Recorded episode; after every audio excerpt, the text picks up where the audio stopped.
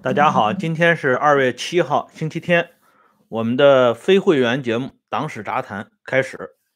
今天呢，我们来继续聊一聊徐来这个案子。啊，在聊正题之前，我先说两句闲话。昨天呢，啊，收到一些朋友的来信啊，我也同时呢看到有些人在网上啊，对这个温相说党史这节目呢，啊，提出一点他们自己的看法。啊，当然呢。呃，人数很少，极个别人，他就说这么一句话啊，他说这个以前温相这节目呢，通常都是四十分钟左右，现在呢一下子给压缩到二十分钟，他就觉得啊，好像不如以前这个啊时间长了。这里呢我已经解释过多次了，那么今天呢利用这个时间我再说一遍，每天我这边二十来分钟的。非会员直播那边呢，还有个十来分钟的会员直播，加在一起小四十分钟了。这嗓子这能够承受的程度也就这样了。因为我自己手里还有一份正儿八经的工作要忙活啊，我不可能两边都兼顾的这么严丝合缝、滴水不漏啊。毕竟呢，呃，人到中年了，精力也不如年轻的时候那么充沛了。所以这一点，我在之前的节目里，在回复当中都跟大家说过。哎，所以呢，我目前有的时候来了灵感了，像昨天或者是前天，还会加多一期非会员直播。多数时候就是保证每天一期非会员直播，一期会员直播，节假日也不休息。我自己觉得这已经能够对得起喜欢收看和收听《温相说党史》这个节目的朋友了，所以呢，更多的话我不多说。昨天有很多朋友来信呢，我倒觉得啊，这信写的很体贴。他们希望呢，《温相说党史》的非会员节目和会员节目每一期都控制在十五分钟之内，不要说太长，啊，容易累着啊，细水长流。来日方长嘛，我觉得这些朋友的建议呢很好，我正在认真的考虑当中。好了，那么下边呢，我们就转入正题儿。昨天说到徐来是一九七四年被释放啊，当时呢有人向他宣布，有的朋友啊听节目听得很仔细啊，我很高兴。有两个人在回复当中就问了，他说他们搜了维基百科。这网上说的徐来去世的时间是一九七三年四月四号。这个事情呢，我跟大家说一下，因为徐来具体这个去世的时间一直以来就有分歧。一种说法，就像大家从网上看到的，是一九七三年四月四号；还有一种说法，那就是啊，一九七四年。关于这一点呢，这唐生智的外孙女艾小明，在他的回忆录里边啊，说到过类似的情节。他说他曾经啊专门了解过他的四外公唐生明被释放的时间。唐生明被释放的时间是一九七三年四月三十号，是正式被释放。但这种说法呢？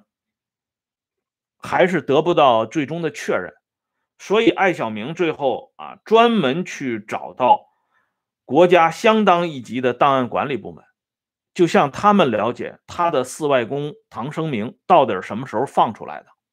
结果这个国家档案管理部门给他的正式回答是：我们没有保留这些人在文革时的档案，后来的材料上呢也没有相关记载。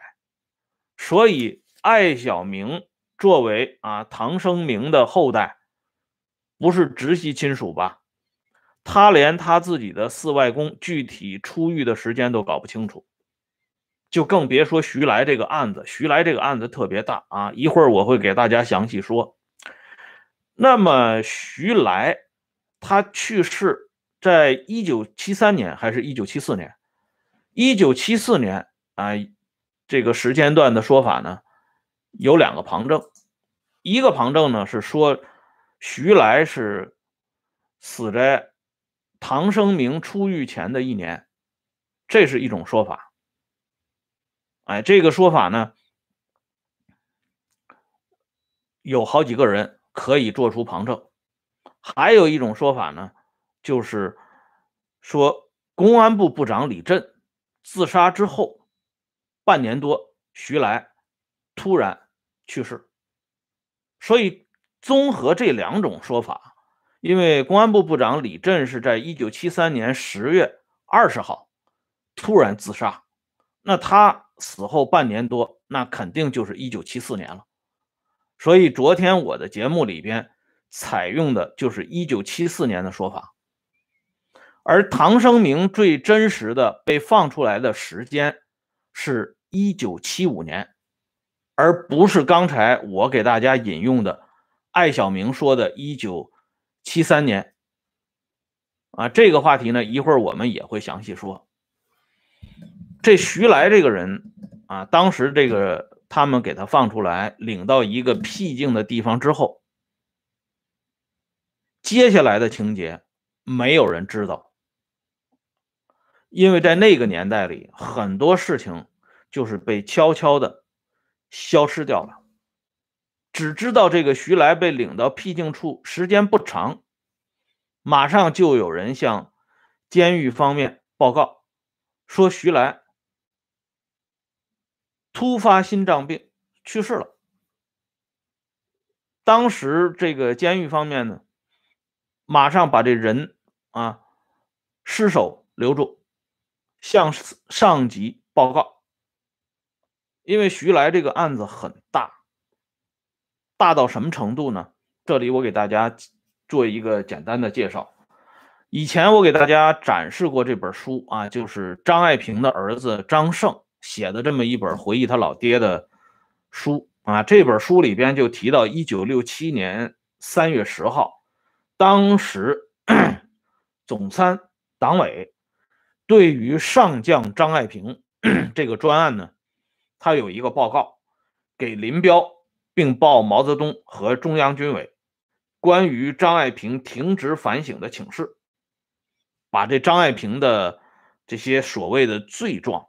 进行罗列，说张爱萍呢攻击无产阶级司令部，要求对张爱萍进行严惩。那这个报告报上去之后，三月十六号，林彪的批示是呈主席阅，林彪没有任何表态，就把这报告推给毛泽东。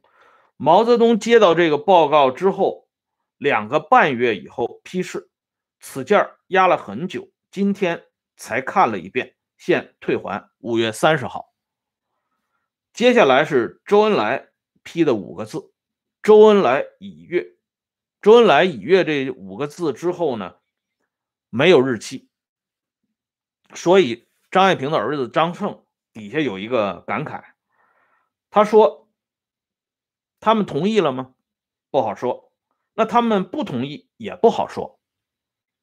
按照。”惯例理解是三个字，知道了。如果你非要说 是经过某某批准的，也无大碍。这也是一种艺术。一个八届中央候补委员，中国人民解放军的上将，就这样被打倒了。这是张胜满含悲愤写下的这么一段评论。其中这句话说的很有意思，这也是一种艺术。徐来这么一个过了气的上海女明星，她的案子到底有多大啊？这徐来呢，当初回来的时候，一九五七年四四月十六号，当时在上海的《文汇报》第二版发了一篇文章，说徐来说要重上银幕。这文章说呢，徐来虽然已经四十六岁了，离开电影界二十多年了，可是呢，还是怀念电影工作岗位。而唐生明呢，还给他的老婆解释说，他离开电影界完全是因为我的缘故。我希望呢，他能继续为人民服务，在电影里边演个老太太也好啊。而且唐生明还指着自己十八岁的大女儿。跟大家说说，他现在呢 也在准备考大学，然后呢，我就希望他能够到电影学校去学习，子承啊母业，哎，继续他妈妈没完成的电影事业。可见呢，这个人是一个完全过了气的电影演员。可就这么一个人，他的专案先被报送到中央专案审查委员会主要负责同志的案头，咱们这位中央专案审查委员会主要负责同志写上自己三个字的大名，嗯，照例呢没写日期。刚才我不是给大家念了张胜的那回忆吗？这个人的批示。从来不写日期，高人呢。然后呢，这个上边呢就是写呈主席阅，要给毛泽东看。毛泽东什么时候看到的也不知道，也没有日期。后来有人回忆说，这个案子啊，这个卷宗呢，有人看过一眼，因为这是毛批下来的案子。所以这个卷宗呢保留了下来。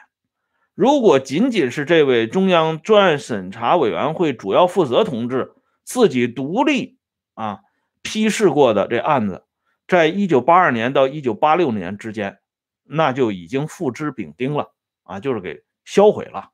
因为这方面呢，李瑞他们都有过相关回忆。李瑞本人还在销毁的现场见到很多卷宗。都是咱们这位中央专案审查委员会主要负责同志亲手办理的案子，上面呢密密麻麻的写满了啊那个啊非常娟秀的那小字，都是咱们这位主要负责同志的功劳。当然，咱们这位主要负责同志的啊主要负责的妻子那非常负责任，她负责呢把她丈夫生前这些蛛蛛丝马迹都给消灭掉了。所以毛泽东过问了这个案子，这个卷宗呢就意外的被保留了下来。但是这个卷宗呢，这个有的人看到之后，他说呢，伟大领袖就是用红蓝铅笔画了个圈儿，就是圈阅，等于说没有留下任何字迹。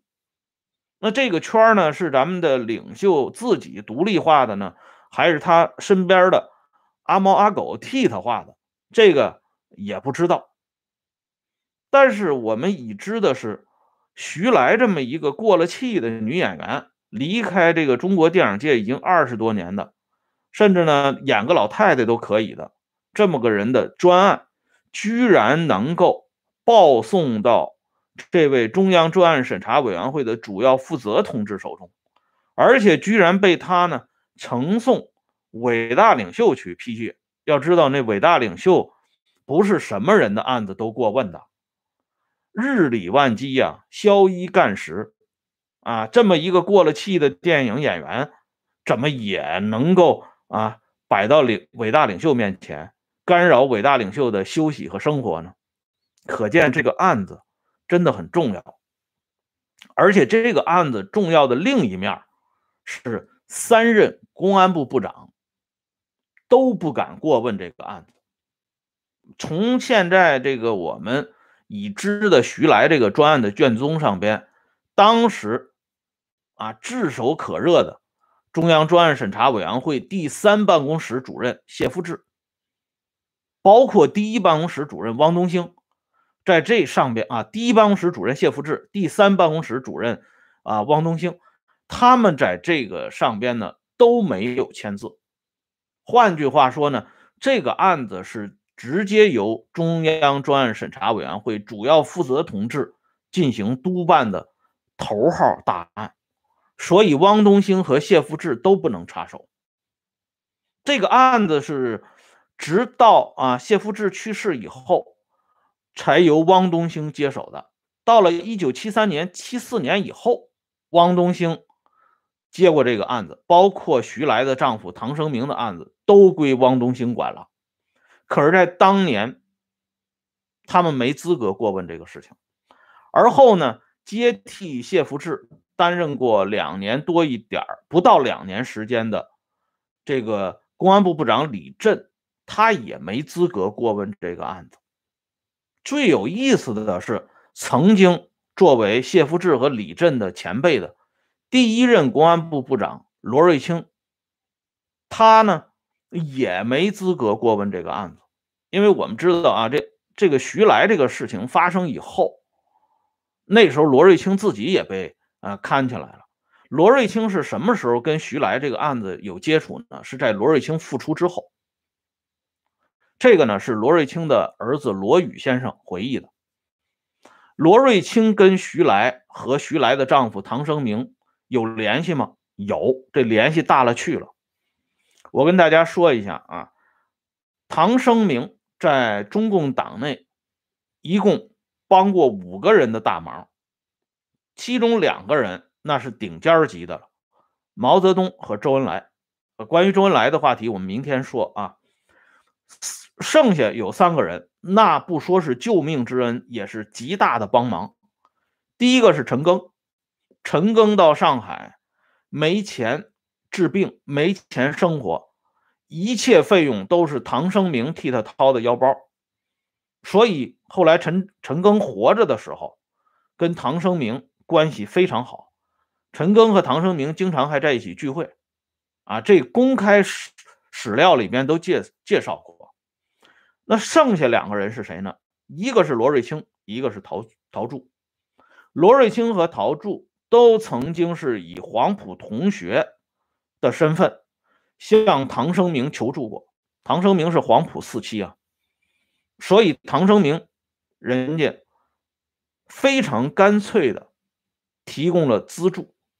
这陶铸生前对唐生明也挺够意思啊，专门请过唐生明，只不过呢次数没有陈赓那么频繁，而罗瑞卿因为太忙了啊，咱们的这个罗总长啊特别忙，所以没机会跟唐生明聚会。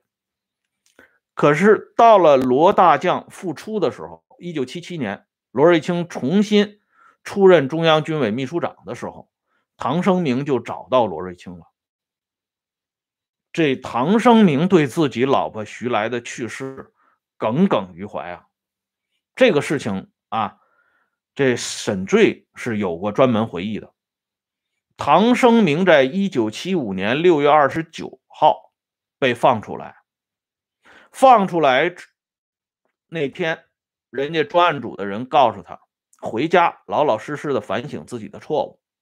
啊，不要想着反攻倒算，然后呢，告诉唐生明一声啊，徐来死了，就这么一句话，四个字，多一个字都没有。这唐生明气到什么程度？当场当着专案组人的面把这桌子给掀翻了。这是唐生明的六弟留下的口述回忆，在艾小明的书里边呢有个介绍，大家可以去查验。要知道那时候唐生明虽然给放出来，还是戴罪之身，可是他居然啊关了八年之后，当他听到自己心爱的老婆徐来死了的消息的时候，他跟专案组的人员翻脸了。